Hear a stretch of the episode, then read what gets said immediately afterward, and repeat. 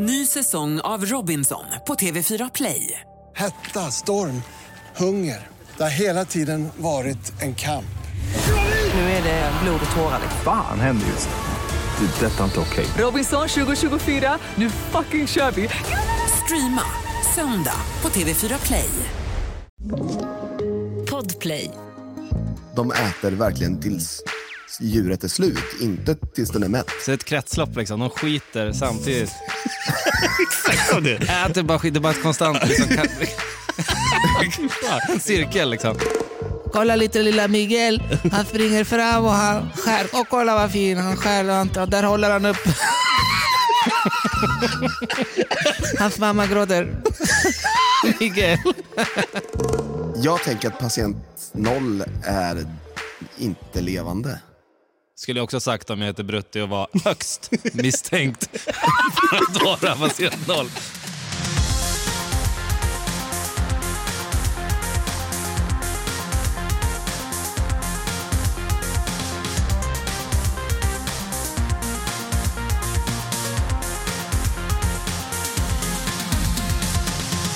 Hjärtligt välkomna ska ni vara till vår vinterspecial som vi har döpt så fint och vackert till Djurbonanza. Där vi varje vecka vi tar oss an ett varsitt djur som antingen kan ha fyra ben, två ben, huggtänder eller fena.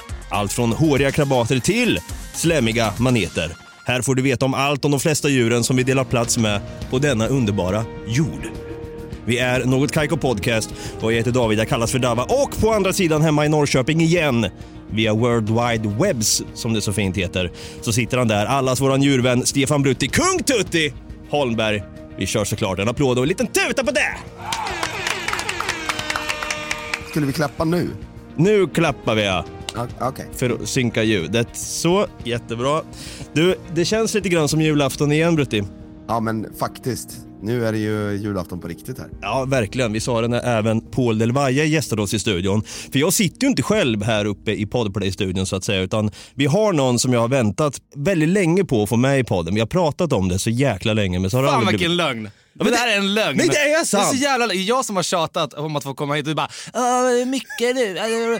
Vi ska hit med Valle och Valle igen och sen ska vi hit med den här genom den andra. Och... Ja, okej. Fan. Ja, Erik. Ja, ja, fan. Ja, får- fortsätt. Ja, eh, jag har väntat då på den här dagen. Eh, eh, jättekul att få höra hans ljuva radiostämma i något Kaiko då. En varm applåd och en tuta till eh, Erik Mylund. Hej Erik! Hej!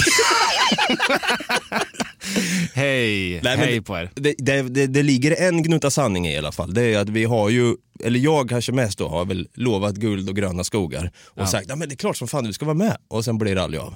Nej men nej, exakt. Det känns lite David det här. Jag till och med säger såhär, ah, har du det här temat? Jag har en jättebra historia på det här. Du bara, ja ah, vi, vi- ringer dig.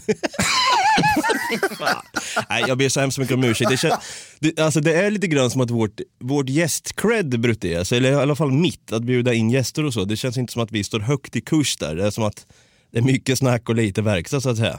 Eh, ja, Från mitt håll då. Men det blir i alla fall av till slut. Eh, och Erik, för den som inte vet vem du är, jag kan ju först och främst säga vad jag tycker och jag vet att du är det också. Du är en radiolegend. Oj, bra. Det är du bra, faktiskt. bra. För du har jobbat med radio, jag vet inte hur länge då? Ja, tio år. Är man en legend då? Ja, men det- Jag vet inte. ja men det, jo men det tycker jag. Jag tycker att gränsen går någonstans vid tio år. Fan vad skönt. Ja, jag med faktiskt. Håller med. Du har ju ändå sänt radio över 10 000 timmar blir det då va? Ja, det hoppas jag att det blir. Då blir man ju proffs på något. Ja, ja men faktiskt. Så du är ju radions Mm. Zlatan då. På väg utför. Alltså, han kanske är kvar. Alltså jag, jag tänker nu, du har ju hoppat runt lite grann kan man ju säga. Du började ju med Sveriges Radio va? Jajamän. Och sen var du på P4 där då. Mm. Att jobba inom public service, bra eller anus? Kontra kommersiell radio då. Exakt. det. Alltså, Sveriges Radio är ju så ordning och reda. Alltså, det är verkligen så här, det finns utrustningen, det finns liksom kapaciteten att göra saker.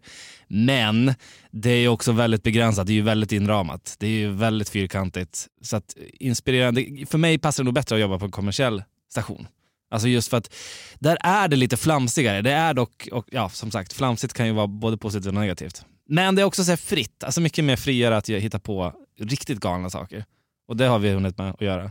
Ja, alltså, jag har ju alltid varit lite grann det här med nu ska jag inte prata så mycket skit om public service, man vet inte hur min karriär kommer se ut någon gång i tiden. Men jag vill i alla fall säga att det känns som att public service, det är, det är lite grann som att man, som du säger, att man inte kan flamsa och tramsa lika mycket och måste ta bort lite grann av sin personlighet. Att man Ja, bara är blir, man blir en röst bara. Ja, de är inte så himla mycket för så här karaktärsbyggande, alltså då, så, utan de, man ska ju bara vara en röst. Man ska vara folkets röst. Brutte, hade du kunnat tänka dig att jobba på P4 Östergötland?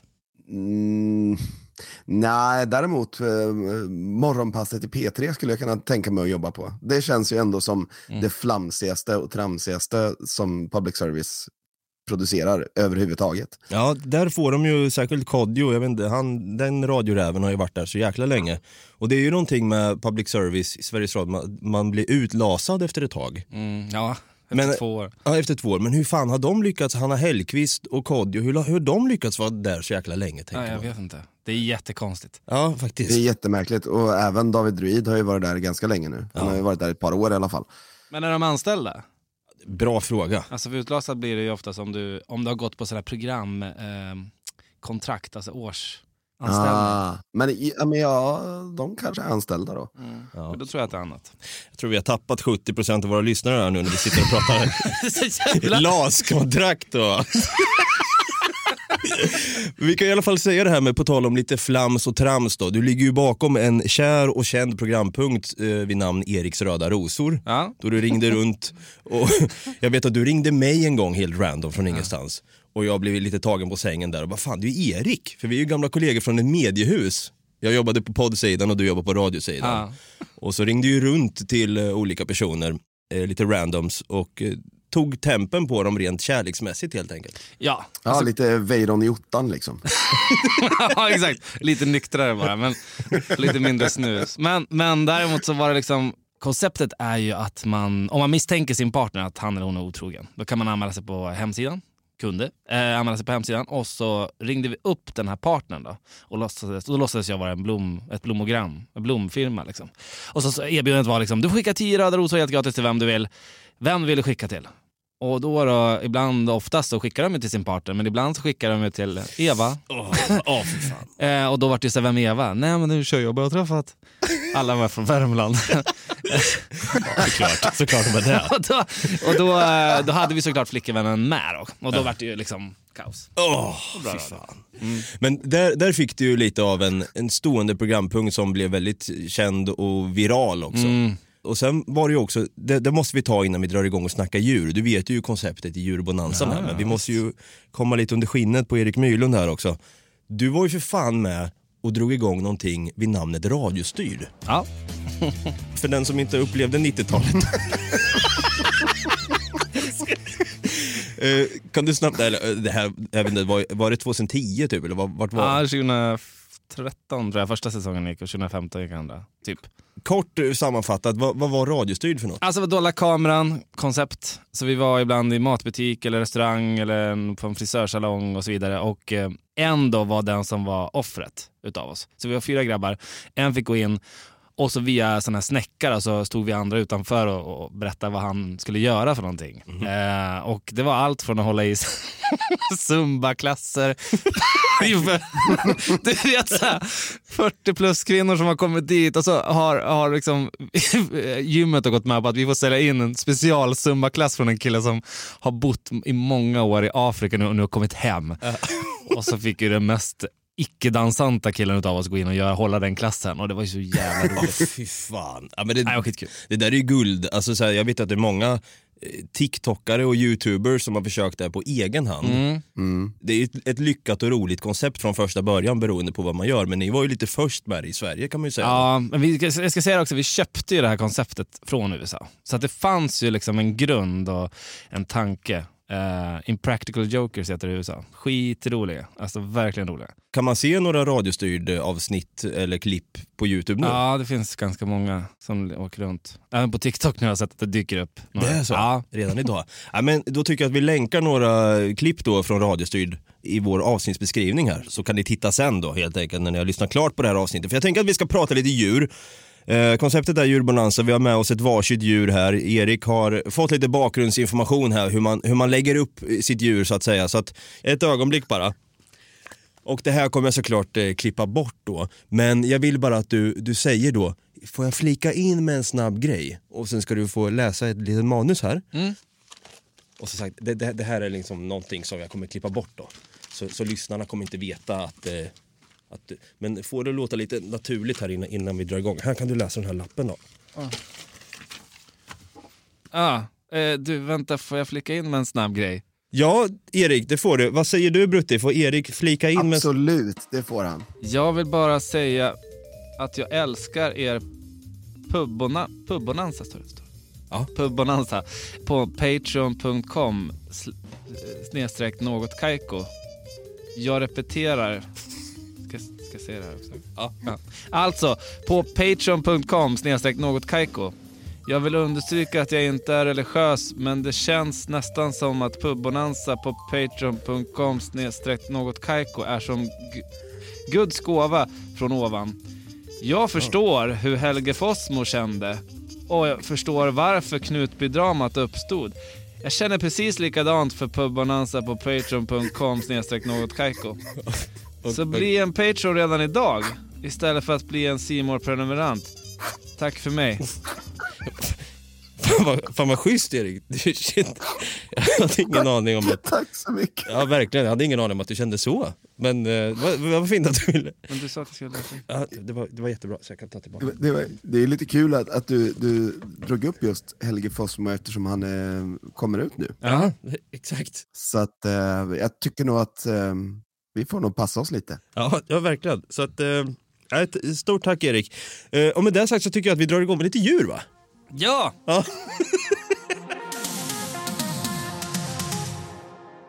Jag tänker, Brutti, vill du nästan ha äran att börja idag? Ja men det kan jag tänka mig faktiskt. Ja, och sen kan jag avslöja redan nu att jag har någonting som börjar på Q.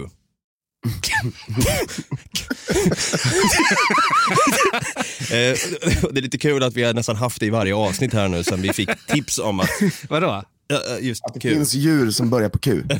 Exakt, Quacka exempelvis. Och sen Erik får vi se, ja, Ja, men jag har ett djur som... eh, Ja, det är ett bra djur. Mm, Jävligt bra djur. jävligt bra djur. Brutte, vi är ju spända här då. Vilket djur har du tagit till det här avsnittet som det så fint heter då? Jag har tagit med mig Mellivora capensis. Ja, ja, just det. Ja, det där. Just det. Mel Melanora capensis. Ja. Ska jag veta vad det här är eller, eller det ska man inte? Nej, den, jag- har inte, den har ett, ett svenskt namn också. Honungsgrävling. Eller honey badger på engelska då. Men den är inte jättekraftigt besläktad med den vanliga svenska grävlingen utan den är, det är ett mårddjur som lever i, i större delen av Afrika och lite Centralasien, Indien och Turkmenistan faktiskt finns de i. Se där. De har en svart grund men är silvriga på huvudet och sen så blir de gråa på ryggen. Och sen så finns det helsvarta varianter också.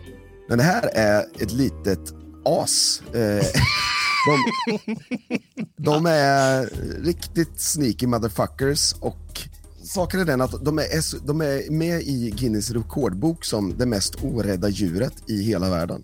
Oj, oj, oj. Okej. Oj. De har en ganska elastisk hud som är väldigt, väldigt hård.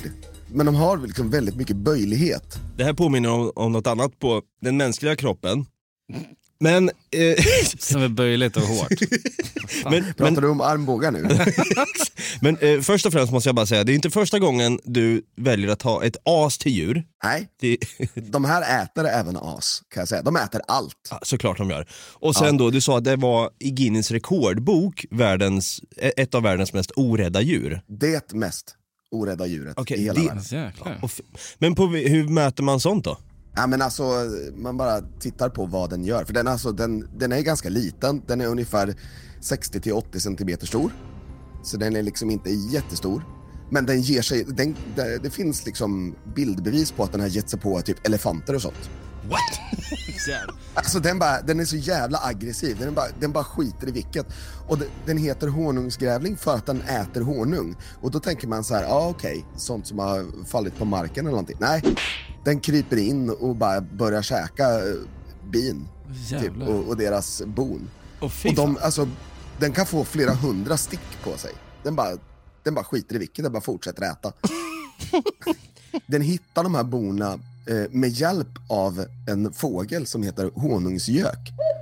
De lever i någon slags symbios, så honungen hittas av fågeln och ger ut något läte. Så honungsgrävlingen kommer in, käkar och sen när, typ större delen av, av eh, bina är borta, ja, då kommer den här honungsköken in och äter resten. Fan vad sjukt alltså. Det där är fa- ja. Alltså, så de hade inte egentligen kunnat klara sig utan varandra? Jo, det hade de. Alltså, honungsgöken äter andra annat också. Eh, och som sagt, honungsgrävlingen äter det ta mig fan allt. Alltså, de har ett riktigt hårt bett och riktigt sylvassa tänder. Och kan alltså tugga i sig en hel sköldpadda. Jävlar. Med skal, med ben, alltihop. Åh fy fan. Alltså det är ju en grej där med, med grävlingar, är det samma sak med honungsgrävlingen där man tror att man har ju hört det här ryktet om att Går man i skogen och plockar svamp exempelvis, då, kantareller och så vidare. Och så kommer en liten eh, rabiat grävling där, full med rabies liksom, springer mot den, biter tag då i gummistövel där och biter tag. Och ska man ha då knäckebröd i stövlarna, Det tror inte jag. för, att, för ryktet är ju som så att Ja, de, har de biter tills det knakar. Nej, jag, Nej, jag tror. Nej, alltså honungsgrävlingen biter ju tills den har fått i sig allt. Alltså 100% av det.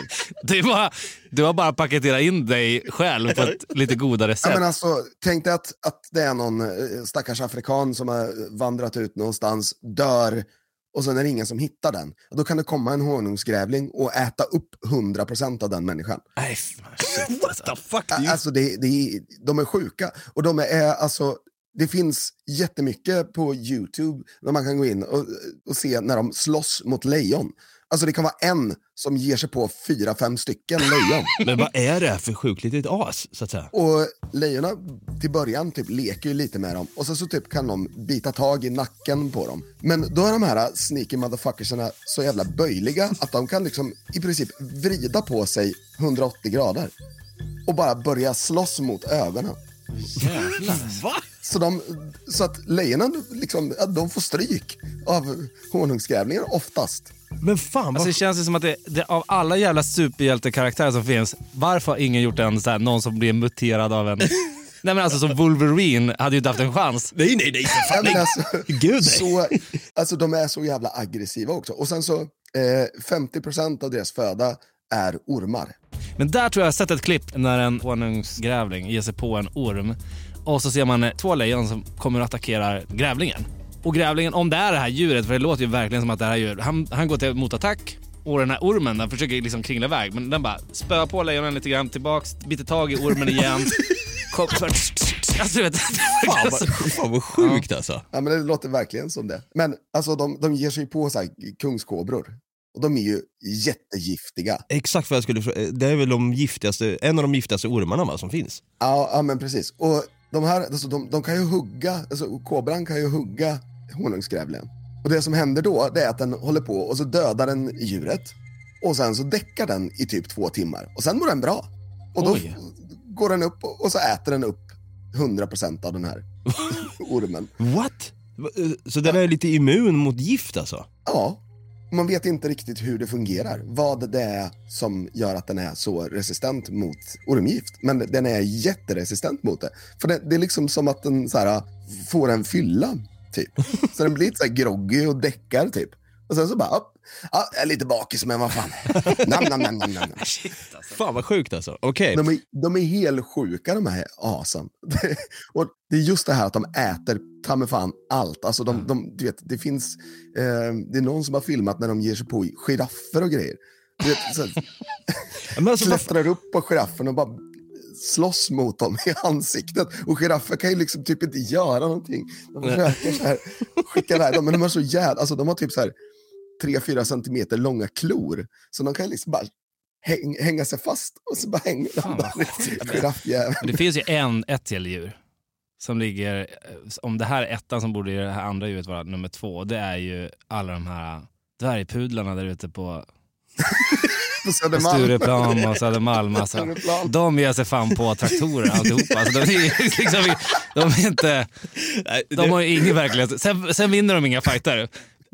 Ex- Modiga. Ja, det är de. Och självmordsbenägna för den delen också. Det är så sjukt det här med, jag har ju sett vissa hundar som, de, får, de blir ju totalt, de blir ju bananas när de får syn på på bilar och allting. Ja, ja. En stor Range Rover kan åka förbi och den vill ju springa rakt ut Ja, på ja. vägen bara. Men Vad, tror du ska hända egentligen? Det är ju sjukt. De har ju ingen koll. Nej, varför, vill de dö eller? Nej, fy fan. Ja, det är så, de har ju inget konsekvenstänk. Det är det som är äckligt. De, de tänker, alltså, särskilt då den här honungsgrävlingen. Det känns ju som att den är så orädd och skit, ger blanka fan i. Den ger inte ett självaste fack då. Och det är det som jag tycker är så vidrigt, att om den skulle springa mot mig, om jag hade varit då i Afrika där exempelvis, och så ser jag en honungsgrävling komma mot mig, och jag står och skriker nej, den hade ju skitit blanka fan i det, hoppat på mig, slitit upp min halspulsåder, och börjat äta, tugga i sig varenda jävla ben jag har i kroppen. Jag skriker nej mamma, mamma, jag vill inte dö. Och det är så hemskt scen då, och att den liksom inte tänker efter, bara fan vad sjukt, jag borde egentligen skona den här lilla rödhåriga Ja. jäveln. Men den skiter i vet du. Det är det som är så äckligt. Vilket äckligt djur du har valt Brutti. Den är nog mer rädd för dig än vad du är för den. Va? Men den var ju inte rädd för elefanter och... Ja men rödhåriga vet du. Ah, ja, ja. Oberäkneliga. Ja fy fan, no souls tänker jag bara. Ja, det här vill jag inte komma nära. Brutti, har du någon mer spännande fakta om djuret innan vi, vi går vidare i tablån så att säga? Alltså det, det mest spännande är ju det här att den är så orädd och att den äter ta mig fan allt. Och alltså, den slutar ju liksom inte äta heller, utan den bara... De äter verkligen tills djuret är slut, inte tills den är mätt. Så det är ett kretslopp liksom. De skiter samtidigt. Ja, det. Äter bara skit. Det är bara ett konstant liksom, ka- Ja, Ja, men liksom. alltså, inom rimliga gränser såklart. Så jag kan liksom inte äta ett helt lejon. Jag tänker att vi har nog eh, ramat in här djurrikets seriemördare. Ja, ja, Psykopater Ja. här. verkligen. Är verkligen psykopater. Nej men eh, honungsgrävlingen hörni, den ska vi se upp för helt enkelt. Ja. Jajamän.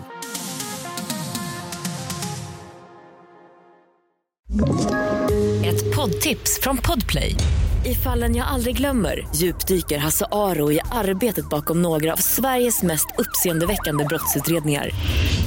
Går vi in med hemlig telefonavlyssning och, och då upplever vi att vi får en total förändring av hans beteende. Vad är det som händer nu? Vem är det som läcker? Och så säger han att jag är kriminell, jag har varit kriminell i hela mitt liv men att mörda ett barn, där går min gräns. Nya säsongen av Fallen jag aldrig glömmer på Podplay.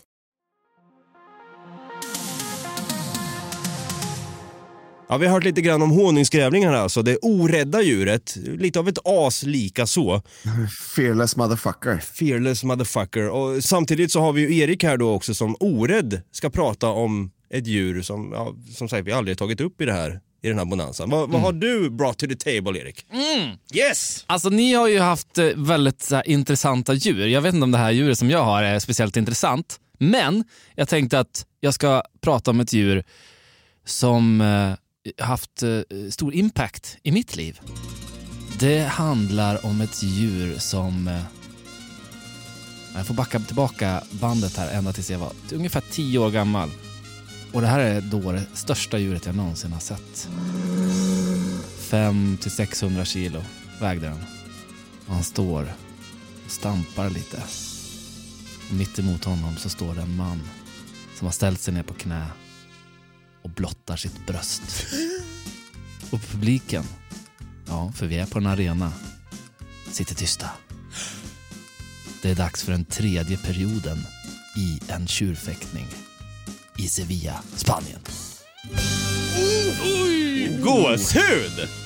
Fasen, det har vi glömt att säga, men du är ju halvspanjor. Ja, Det tycker jag är väldigt kul. varför då?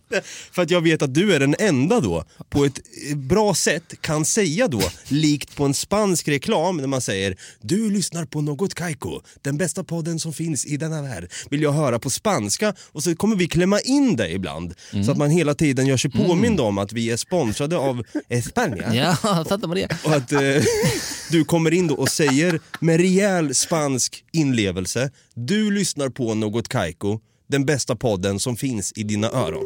Estás escuchando Något Kaiko, el mejor podd en el mundo. Där har vi en applåd, en tuta på den. Du, du har valt tjur alltså? Jag har valt tjur. Ja. och tjurfäktning är ju, i nuläget i Spanien är det liksom, det är inte jättemånga tjurfäktningar just nu. Det håller sig kvar ganska så starkt i Sevilla, Madrid. Men i Katalonien till exempel har de ju, alltså, man går inte på tjurfäktning av ganska rimliga anledningar att det är liksom djurplågeri Det är, av rang. mm, verkligen, det är sjukt faktiskt att det fortfarande finns, men det, som du säger, det är inte lika populärt längre. Det anses väl vara lite konservatism över hela. Mm. Väldigt kulturellt betingat. Och jag kan säga att eh, mamma och hennes man, eh, de älskade tjurfäktningar. Alltså det, verkligen, och släkten och liksom, de, var- de var väldigt förtjusta i det här. Nu går vi aldrig på det för att man har tänkt om även dem. Och för att det har försvunnit. Det är inte lika, förut kunde jag gå på en tjurfäktning varje dag nästan i olika delar av Sverige, i Spanien. Liksom. Så det var ju extremt populärt. Har du någon koll på hur, var, varför just i Spanien? Varför kom tjurfäktning till i Spanien? Mm. Det kom ju inte till i Spanien, utan det kom till i Iran, tror man. Och det här var alltså antikens Iran, ungefär 500 år före Kristus. Och eh, sen spred sig och eh, alltså, tog sig in över via romarriket. Det var ju populärt också eh, under romarrikets tid och eh, det spreds över Europa. Och, men sen fick det ju väldigt bra fäste i Andalusien, i Sevilla då, och höll sig kvar och blev liksom en spansk tradition. Men tjurfäktning ser ju väldigt olika ut beroende på. Jag har varit vid tjurfäktning i Spanien, Portugal och i Frankrike och det är väldigt, väldigt olika. I eh, klassiska tjurfäktningen som vi alla minns från eh, Ferdinand, tjuren Ferdinand. Stanna dig! Gör någonting! Fan. Där har vi då den klassiska, det är ju alltså en arena, det är tre stycken perioder, eller tercios som det kallas. Och där i eh, första, då kommer ju de här, de här tjocke som sitter på hästar med en sån här liten påle och så längst ut på den här pålen så är det liksom en 3 till 4 eller 5 centimeter lång spets som de för in mot eh, tjuren, alltså Aj. in i huden. Liksom. För fan. Aj. Och det är ju hud och fett. Så, men det är också för att trötta ut, för när tjuren kommer in på arenan, då har de ju, den kutar ju in och är alltså, du vet, man, det är 500-600 kilo alltså styrka, rå styrka som kommer in. Fly förbannade. Ja. Så alla i publiken hatar ju de här som stöttar i pålarna för de vill ju att tjuren ska vara stark när han möter matadoren på slutet. Eh, men i andra delen, då, andra perioden, om vi ska kalla det för det, då har vi de här eh, vad heter de, bandoljärerna. De kommer ju då in och har liksom de här pinnarna med rosetter på. Ja, just det. Och så springer de mot eh, tjuren som springer mot dem. Och de lockar ju så här. De står ju i sina trikåer och så här. Höpp! Höpp! Och så ser man att tjuren tittar upp, börjar ta sats, springer mot och så springer de mot varandra och så fintar man och liksom hoppar åt sidan och sticker ner de här två pinnarna i, i ryggen då på, på tjuren. Åh fy fan. Och så blir det lite applåder och så är det liksom så här eh, om den har lyckats. Så ramlar den av så har de inte lyckats och så vidare. Okej. Och sen i tredje perioden, då kommer ju själva matadoren in. Och de här är ju världsstjärnor alltså.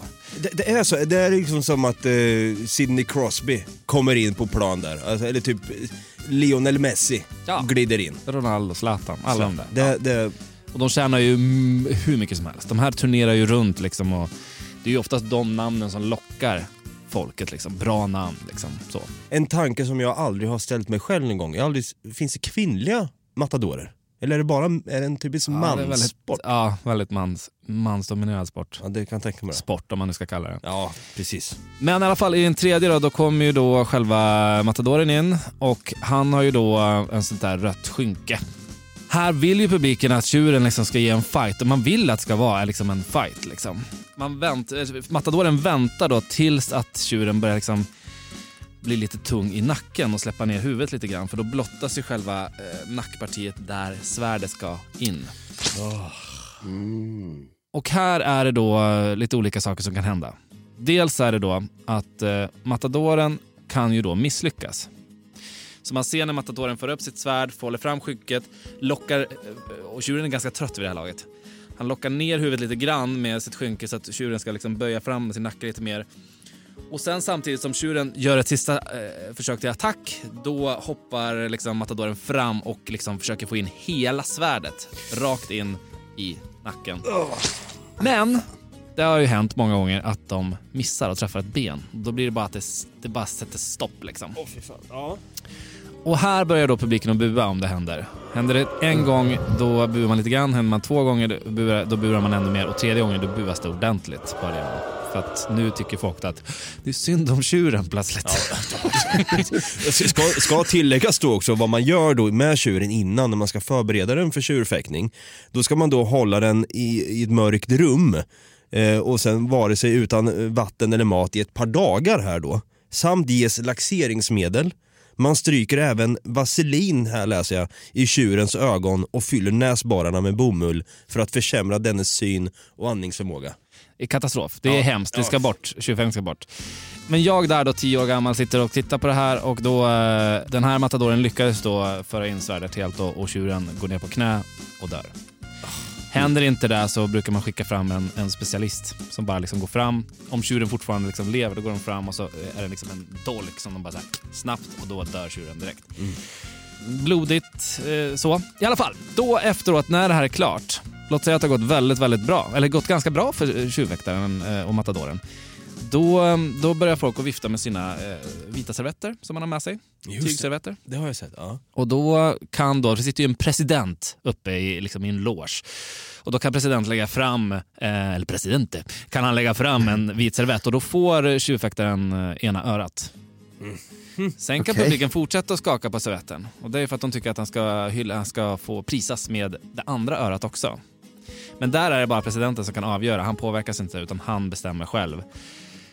Sen, det högsta du kan vinna då, det är ju då svansen också. Jag tror inte att de tar med sig de här hem, men alltså det är väl en slags sym- symbol.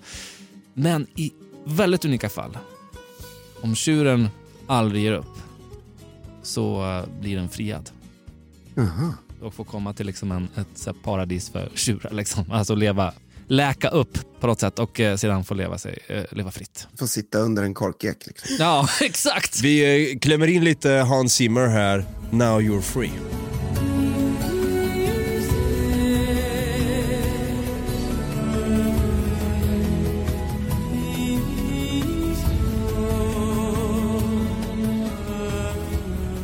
Hallå kärlek, kan du ha det Gåshud. Ja. Gåshud. Men eh, snabb grej här också, sjukt det här. Men när du satt där som tio år, du ser då en matador på blodigt allvar, sk- kör sitt svärd då in i tjurens nacke där. Vad gör man under tiden, under de här perioderna? Sitter man och äter popcorn, godis, vad gör Ja, men man? det går ju runt folk och, och säljer chips och sånt där. Alltså det här är- det är så jävla sjuk grej det här, hela alltihopa. I, eh, I Portugal däremot så är det lite annorlunda. Där kommer det aldrig in en matador. Eh, där kommer det dock in pausunderhållning under, under, mellan de här perioderna. Eller mellan tjurarna ska jag säga. Shakira. Jennifer Lopez kommer in. Nej, men då kommer det in så här typ tio stycken eh, små gubbar i gröna hattar. Liksom. Och så ställer sig fem längst bak, tre fram, lite framför, två en bit eh, ännu längre fram och så en som går fram och, och eh, jävlas med tjuren. Och till slut kommer ju tjuren mot, springandes. Ja. i, i fart. Och då hoppar alltså den här första mannen på, upp på huvudet och håller runt, alltså, runt, alltså armarna går runt hornen. Och sitter han kvar där på. Och så kommer de två andra och sen handlar det om att stoppa den här tjuren liksom. That's it. Annorlunda. Okej. Men okej, så det är, det är inga vapen som är inblandade där? Nej, Nej de, har ju, de har ju de här som stoppar in de här rosettpinnarna. Just. De sitter på hästar istället. Jaha, Fintar. Eh, Det är- det är ganska häftigt, snyggt, men det är fortfarande sjukt. Ja. sjukt. Ja. Eh, så tjuren är ju någonting som... Tjuren hyllar man ju i Spanien, fast man gör det på ett jävligt konstigt sätt. Alltså s- tjurar i, i Andalusien, du ser ju när du åker där så är det många sådana här plakat med tjurar som bara syns. Liksom. Man, man har någon slags... Man tycker att de är... Ja, De är så har en symbol för, för södra Spanien. Alltså det här är, det är lite sjukt det här med, jag undrar hur många gånger, alltså visst, sjuk sport då inom citationstecken eller vad ska man säga, aktivitet. Mm. Men frågan är då, jag måste ju ändå ge en matador lite cred, alltså motvilligt cred då. Att det, det krävs ju ändå en del cojones att gå in då och möta en rabiat tjur. För det är ju många som har dött i tjurfäktning också. Då kommer man ju tycka Inte lika många som tjurar dock. Men... Nej, nej, precis.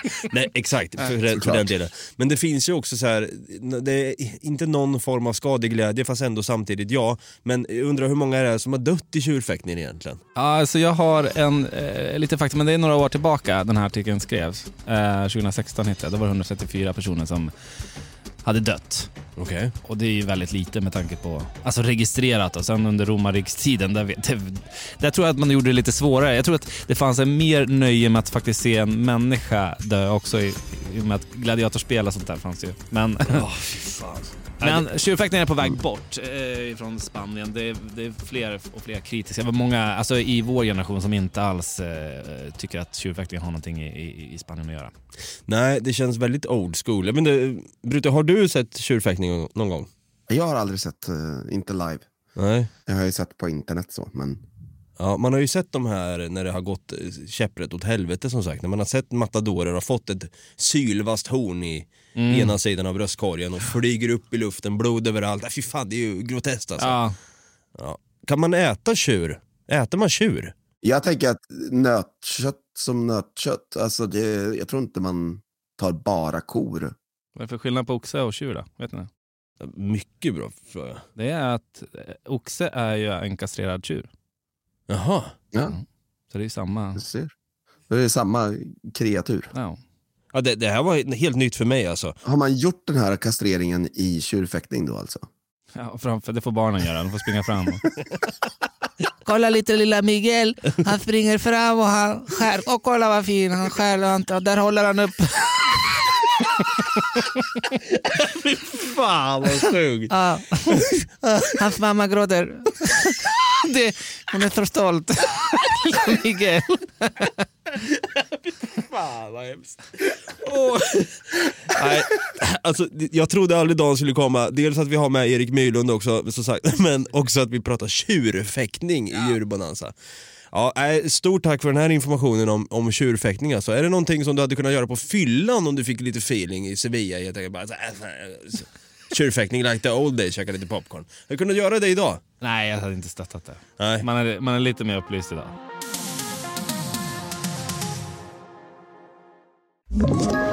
Ett poddtips från Podplay. I fallen jag aldrig glömmer djupdyker Hasse Aro i arbetet bakom några av Sveriges mest uppseendeväckande brottsutredningar.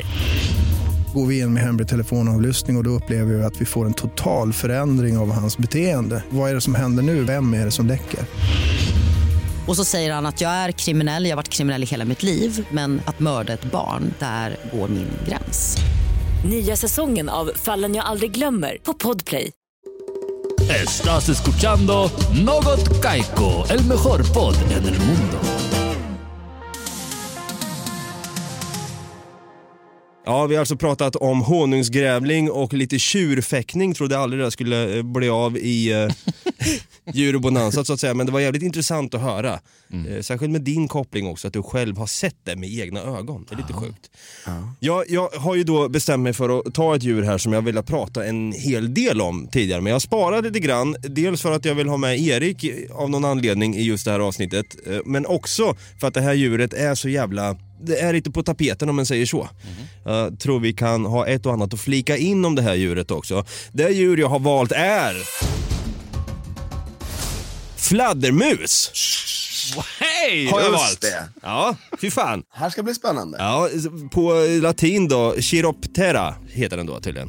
Chiroptera. Ja, har ni sett en fladdermus i livet någon gång? Ja.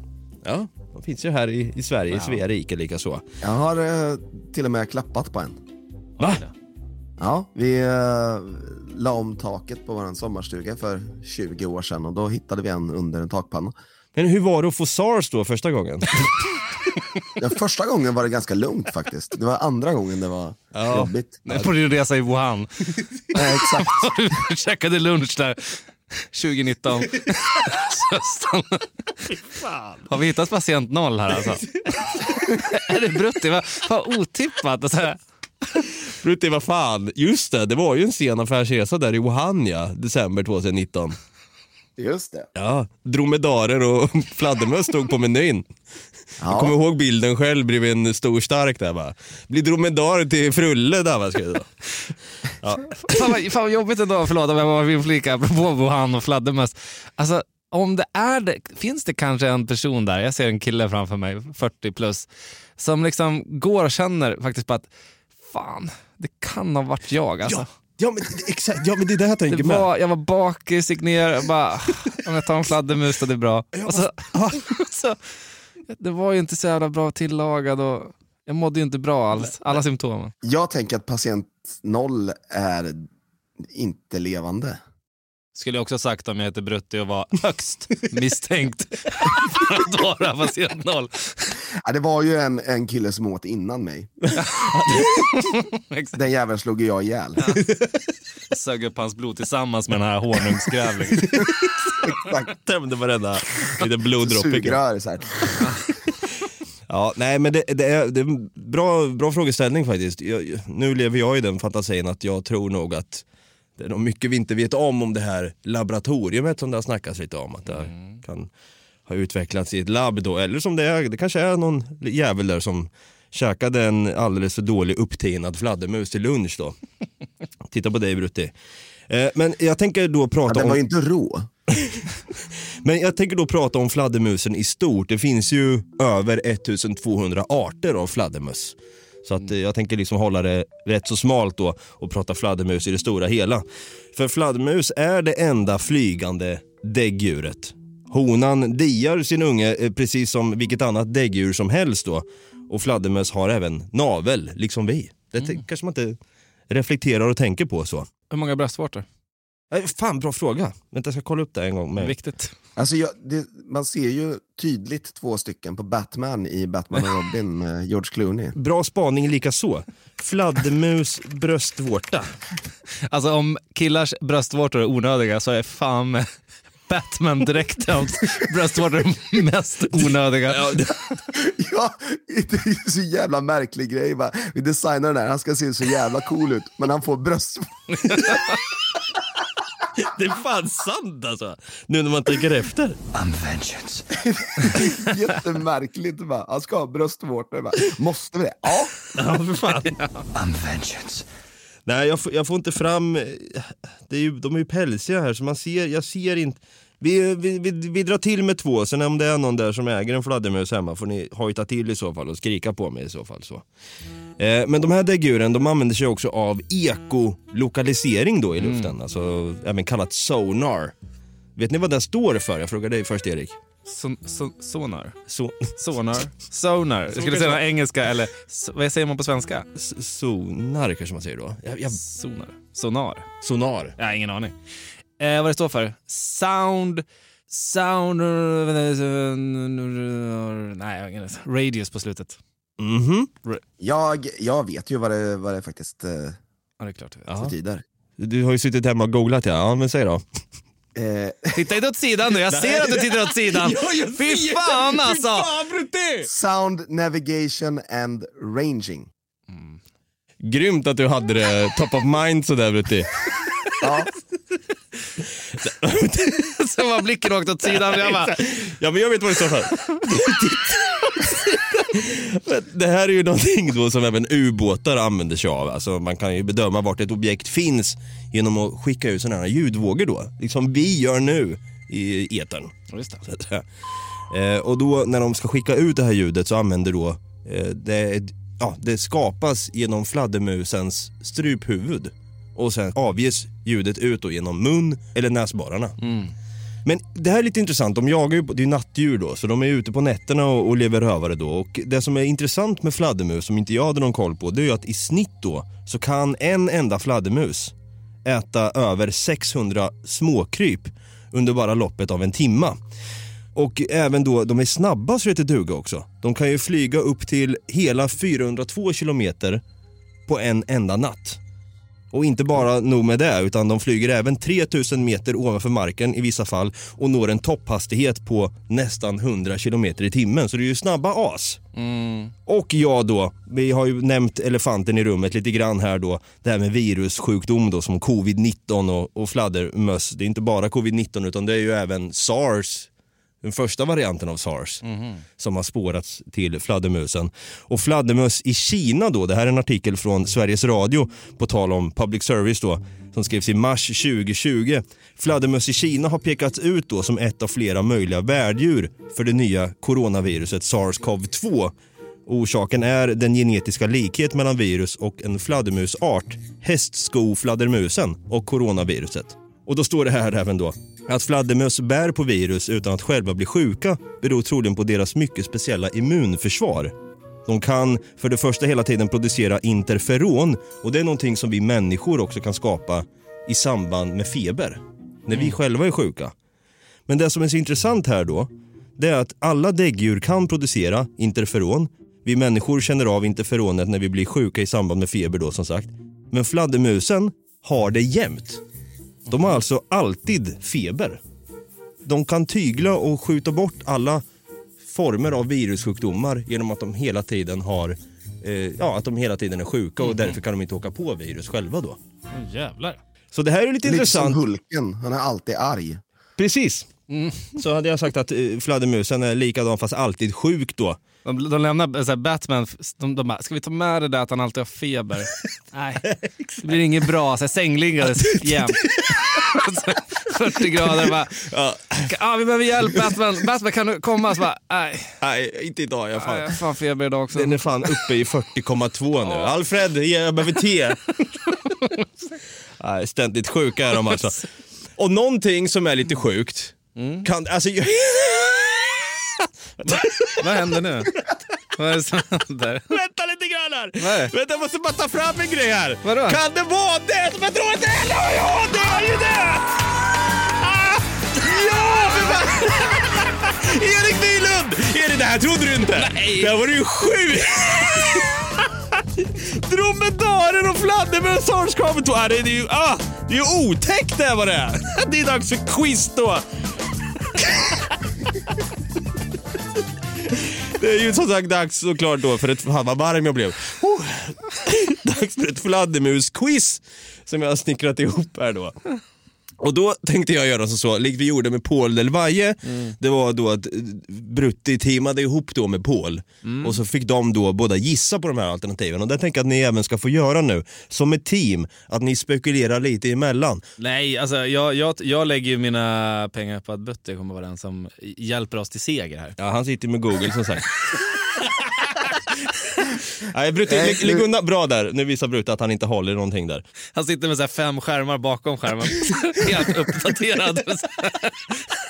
Det roliga är att jag har, jag har ju en tv precis där. Fan, såklart han har. Men den är avstängd så att det, ni kan vara lugna. Så sex frågor och tre svarsalternativ idag. Jag börjar med fråga nummer ett. Den största flocken av fladdermöss någonsin finns i The Bracket Bat Cave i Texas, USA. Hur många fladdermöss utgörs den här flocken av? Är det A. Runt 5 miljoner? Eller B. Runt 10 miljoner? Eller C. Runt 20 miljoner? Fan vad svårt. Jävlar. Eh, jag tänkte att det var några tusen. Ja, men, ja, jag tänkte ju att det skulle vara, jag trodde att alternativet skulle ligga på här 100, 200, 300 000. ja, det trodde jag Men med. nu när vi liksom Någon- alltså, hamnade på 5, 10 och 20 miljoner. Nu blev det 20 svårt. miljoner, han dragit upp 10. Nu, nu går jag bara... Nu, nu, alltså, Davva har hoppat upp 10 miljoner från eh, svarsalternativ 2 till svarsalternativ 3. Och det är kanske en lock, lockbete bara för att man ska hoppa, komma bort från 10 miljoner. Alltså, jag, jag är jävligt inne på att det skulle vara 10 miljoner då. Ja, men då säger vi det. Ja. Ja, ni låser B alltså, 10 miljoner. Ja. Ja. ja. Ja, ni öppnar svagt. Aj. Tyvärr. Det är svarsalternativ C, runt 20 miljoner. Ja, det det är så alltså. den största flocken som någonsin har dokumenterats. Har man suttit och räknat de här? Ja. Men Exakt, det är det jag. Exakt. Hur fan räknar man det? Eller, eller mäter man decibellen? Då kan han kanske ha så här varuhusräkning. räkning. Du vet som de har på varuhus. Så här många kunder finns inne i butiken nu. Och så är det en jävel som bara åker runt i cirklar runt där. Ja, men man kan säga då att den här fladdermusflocken då, The Bracket Bat Cave i Texas, alltså det är mer fladdermöss än vad det bor människor i Mumbai i Indien då. Det är lite sjukt faktiskt. Vi går vidare till fråga nummer två. Och för att hålla det lite populärkulturigt eller lite kultigt också så är det klart att vi drar in Ja, Batman. jag t- jag tänkte historiskt skulle jag kanske sagt då. Vlad Dracula. Jaha. Ja. Ah. Eh, Den tredje, fråga nummer två då. Han hade ett särskilt smeknamn. Vad var det? Vlad the Impaler. Vad var det? Brutti. Helvete vad tråkig du är. A. Vlad Paul Spetsaren. Ja, Vlad... Jag tror också, ja. Vad kul det blev då, vad roligt. Men det, det, det, det var ju liksom en, en så här barnfråga för fan. Ja, men jag visste inte att den här... Att, Okej, ni låser A. Så jävla sur. Så jävla sur. Ja, ni låser A. Och det är ju rätt va? Fan vad bra. Ja, det är, väl, det är helt rätt då. Vlad the Impaler. Jag hade ingen koll på att han faktiskt kallades där på även engelska då. Men jag har lite kuriosa då om pålning. Har ni koll på pålning? Fan, du skulle haft Paul de Vajer som ni har nämnt här nu. Exakt vad jag tänkte säga. Åh! Fan, det där var bra. Badum. Ja, nej men pålning då, det är ju en gammal klassisk... En gammal... ringa Paul? Göra en pålning, verbet. Pålning. Nej, det är dags att göra en pålning hörni. Vi ringer Paul! Nej, men en historisk avrättningsmetod är ju det här med pålning då. Att man, man kan då göra så att ett sätt var att man grävde en grop som man tvingade den dömde att lägga sig i då på rygg. Man fyllde igen gropen med att huvudet ligga kvar då öppet. Sen drev man långsamt en spetsad påle av ek genom det cirka 20 cm tjocka jordlagret i brösthöjd på den dömde. Den dömde kände att pålen sakta då började tränga in i bröstkorgen samtidigt som det utlöser en oerhörd ejakulation. Va? Smärta menar jag såklart. Men här har vi också då ryssarna, de, de är lite på tapeten här nu såklart och det är kanske det de vill göra här i Sverige, att komma in och påla hela Gotland då. Eh, det var, att- då gjorde de så att en påle slogs ner i marken och spetsades.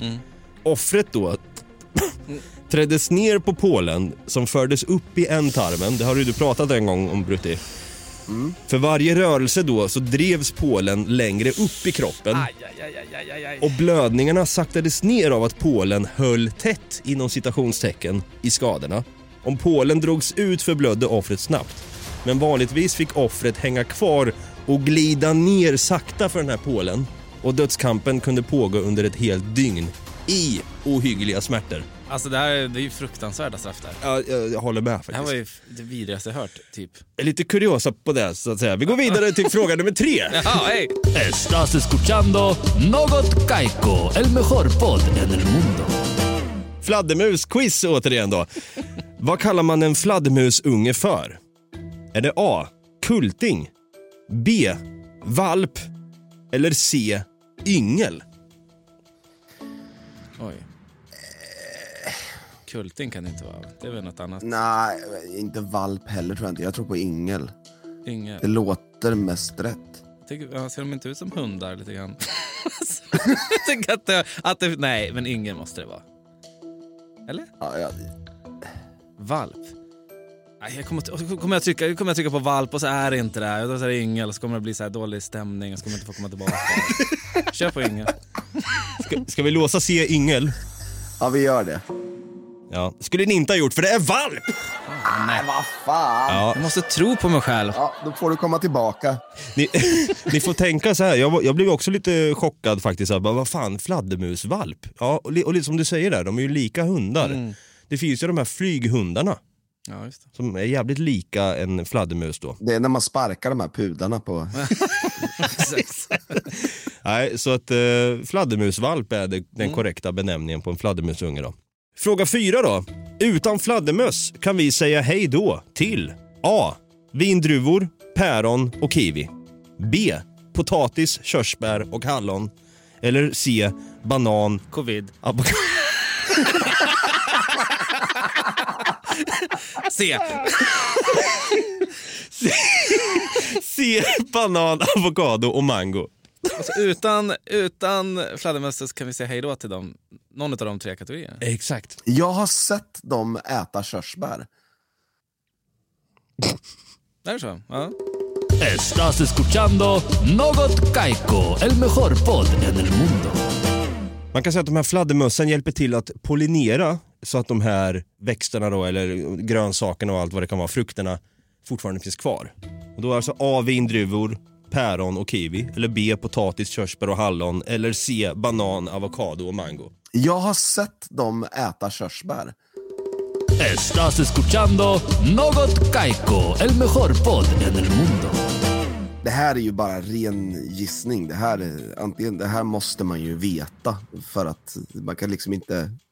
Det går ju egentligen inte bara gissa sig fram till rätt svar här, känner jag. Jag har ju för sig sett dem äta vindruvor också, så att det kan ju vara A eller B. Ja, men vi tar A. Eller så är det så att, ja, vi tar A. Ja.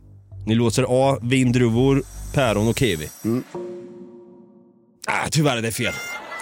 Det är banan, avokado och mango, C alltså. Aha. Som fladdermössen hjälper till då att pollinera så att de frodas och mår bra helt enkelt. Okej, Då okej. får vi okej. säga hej då till dem. Då är inte bra det här. Nej. Eh, Fråga nummer fem då, vi eh, speedar på det här lite grann. Världens äldsta fladdermus hittades 2006 i Sibirien. Hur gammal var karln? A. 28 år gammal. B. 41 år gammal. Eller C. 59 år gammal. Alltså, jag har fått för mig att de lever ganska länge. Okej. Jag skulle nästan tippa på att det är antingen B eller C här. Världens äldsta. Var så här gråhårig liksom. Och... Käpp. Ja, exakt. Blind är den ju redan. Så. Exakt. Ska vi ta B?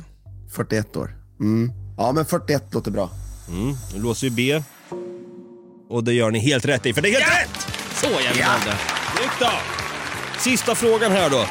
Två rätt av fem än så länge då. Kan vi få en 50-50 då? Fråga nummer sex. I snitt äter en enda fladdermus då som sagt runt 600 småkryp på en natt. Hur många pizzor motsvarar det i mänsklig matkonsumtion? Oj. A. Fem pizzor. B. 10 pizzor. Eller C. 20 pizzor. Alltså nu är han på 5, 10 och 20 igen. Ja. Nej, men han kan ju inte, de kan ju inte äta, de kan ju inte äta, de kan ju inte äta tio pizzor kan de inte äta på en natt. Nej men alltså de är ju pyttesmå ju. Jag orkar inte äta, jo fem pizzor kan jag klara på ett dygn men Nej, det, det, det måste vara 5. ja. Ja. Ni låser A. Fem pizzor alltså. ja. Det sjuka är att svarsalternativet är C. 20 pizzor trycker de i sig på en natt i mänsklig matkonsumtion. Vad är det för sida du har tagit reda på det här från? Jag vill lova, jag, Jag kan, En ifrågasätter. ding-ding-värld eller? jag kan länka, jag lovar. Jag länkar i avsnittbeskrivningen. Ja, får ja. ni läsa det själva. ja. Helt otroligt i alla fall. Flashback. Det var i alla fall ett eh, hedligt fladdermus-quiz med lite inriktning på pålning. Fan vad påläst. Där ja! Fan vad jag älskar det här. Snyggt. Det har varit skitkul att ha med dig i podden, Erik. Jättekul att få vara med. Om man vill ha lite mer koll på vart man ja, kan ta kontakt med dig och i alla fall ha lite koll på vad som försiggår i ditt liv. Var, Vart hittar man dig då? Då är det Erik Myrlund på Instagram. Eh, det är eh, Erik Myslund på Pornhub. Wonder Surfer heter jag på Lunarstorm om jag finns kvar där. Är det så? Ja. En liten myra på MySpace. Jaha. Ja. Ja, men se Där är där. Bryter lite fort om man vill ha koll på eh, vart man kan få tag i oss. Vart, vart ska man kontakta oss då? Då kan man gå in på Facebook där vi heter Något Kaiko Podcast eller på Instagram där vi heter Något Kaiko eller som eh, Erik Myrlund så vackert eh, sa förut så kan man gå in på patreon.com slash Något Kaiko och känna som Helge Fossmo. Ja, ex- det var jättekul att du, att du ville flika in och säga det Erik. Ja, men det var, det var en ära att få göra det. N- när det sker så spontant. Ja, ja, ja, absolut. Glöm heller inte att gå in och prenumerera på den här podden eller ge den lite recensioner och eh, ja, betygsätta den med fem stjärnor helst. Det kan du numera göra även på Spotify. Äntligen har den funktionen kommit. Så in och ge oss en fem stjärna där eller hur många stjärnor du än vill ge oss på antingen Spotify eller i Podcaster-appen så är vi mer än tacksamma om du gör det. Erik, återigen, du ska få eh, utbrista de två gyllene orden som vi alltid gör i slutet av avsnitten. Men gör inte så här mot mig nu. Jag visste att det skulle komma. Jag tänkte innan jag klev in i studion, jag bara, vad var de där två gyllene orden? Ha det gröt! D- Ja! Ja! Ja! Ha det gröt! Ha det gröt! Vi hörs igen nästa onsdag. Glöm inte att gå in och kika in Erik Myrlund på Instagram. Vi hörs! Hej då!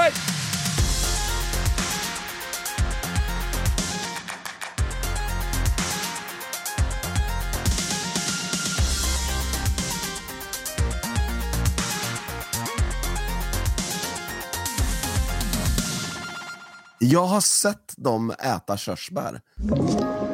Podplay. Ett poddtips från Podplay.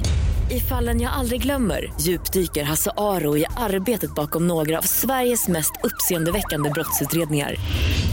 Går vi in med hemlig telefonavlyssning och, och då upplever vi att vi får en total förändring av hans beteende. Vad är det som händer nu? Vem är det som läcker?